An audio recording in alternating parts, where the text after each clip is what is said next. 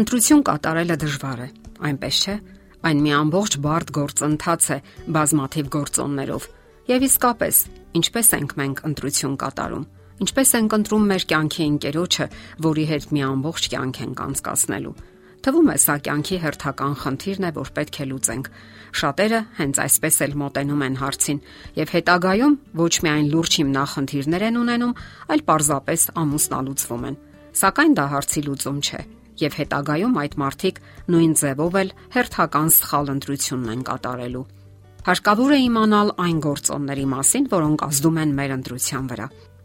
Իսկ ահա շատերը երկար չեն էլ մտածում։ Լինի մեկը, ով հարմար է տարիքով եւ բնավորությամբ, տնտեսական հնարավորություններով ու դիրքով։ Այդքանը բավական է եւ այնուամենայնիվ արկա են մի ամբողջ ներքին ու արտաքին սոցիալ հոգեբանական գործոններ, որոնք ազդում են մեր ընտրության վրա։ Շատ հոգեբաններ նույնպես աշխատում են այդ ուղղությամբ, փորձելով հասկանալ, թե ինչն է ազդում մեր ընտրության եւ մեր որոշումների վրա։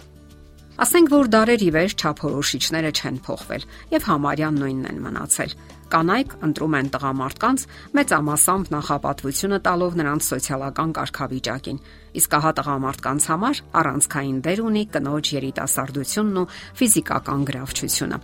Ամերիկյան հոկեբան Էկի Սիգլին առաջին անգամ առաջարկել է այսպես կոչված սոցիալական դերերի տեսությունը։ Նա պնդում է, որ առաջին տեղում այսօր սոցիալական գործոնն է, այլ ոչ կենսաբանականը։ Նրա հետ համակարծիք է մեկ այլ հոգեբան, ամերիկյան Օտերբեյն համալսարանի պրոֆեսոր, կլինիկական հոգեբան Նոեմ Սպենսերը։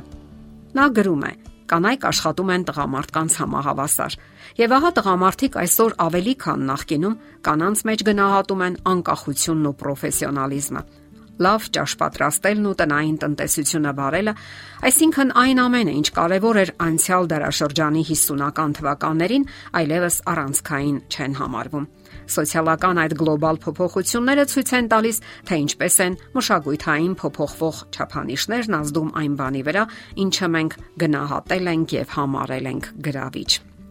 Իսկ ուրիշ ինչ գործոններ են ազդում մեր ընտրության վրա։ Որքան շատ ժամանակ են անցկасնում մարդիկ միմյանց հետ, այնքան մեծ է հավանականությունն այն բանի, որ նրանք դուր կգան միմյանց։ Ու թեև մենք ունենք օրինակներն այն բանի, որ հարկադրական մերջ շփումը, վեճեր ու փոխադարձ սահաճություններ է ծնում, դրանք ավելի շուտ բացառություններ են, որոնք հաստատում են կանոնի ճշմարտացիությունը։ Հենց միմյանց մշտապես տեսնելու հնարավորությունն է պատճառներից մեկը, որ սիրավեպեր են առաջանում։ Այդպես են առաջանում աշխատանքային սիրավեպերը Մշտական շփումը օրվա ընթացքում ընդունակ է սկզբում առաջացնել բարեկամական զգացումներ, իսկ ավելի ուշ արդեն խոր զգացմունքներ։ Ընտրության հարցում անկարևոր չէ գրավիչ արտակինը։ Մեզանից յուրաքանչյուրն ունի գրավչության իր պատկերացումները։ Դրա վրա անկասկած ազդում են տվյալ ժամանակին եւ հասարակությանը բնորոշ գեղեցկության չափանիշները։ Սակայն ընտրությունը շատ բաներով որոշվում է մեր յենթագիտակցական մակարդակում։ Հենց այդպես է որոշվում, որ այս կամ այն կերպարը առավել գրավիչ է, հարազատ եւ ընդունելի։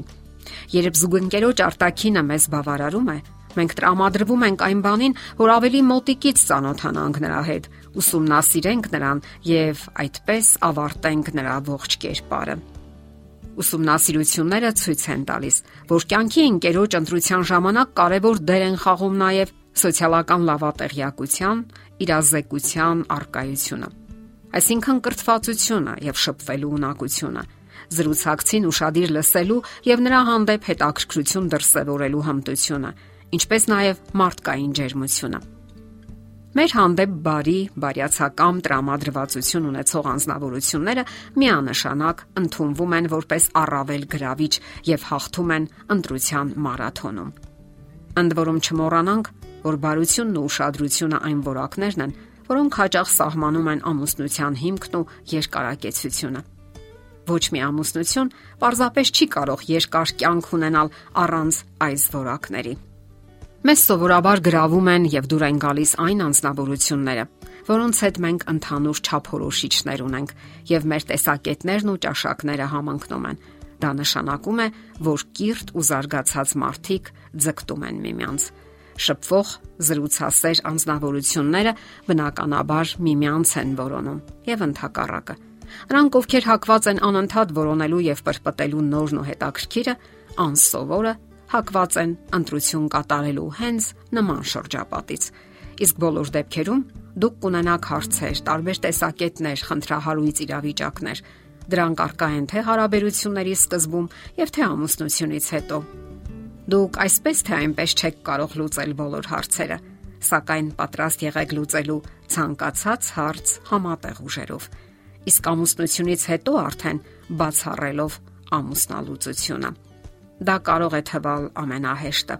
սակայն իրականում դա ելք չէ։ Ելքը համատեղ ճանապարհորդությունն է դեպի անծանոթ, խորթավոր, բավականություններով, արկածներով լի մի երկիր, որ կոչվում է ամուսնություն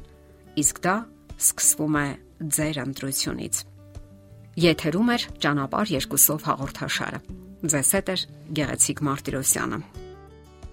Հարցերի եւ առաջարկությունների համար զանգահարել 033 87 87 87 հեռախոսահամարով։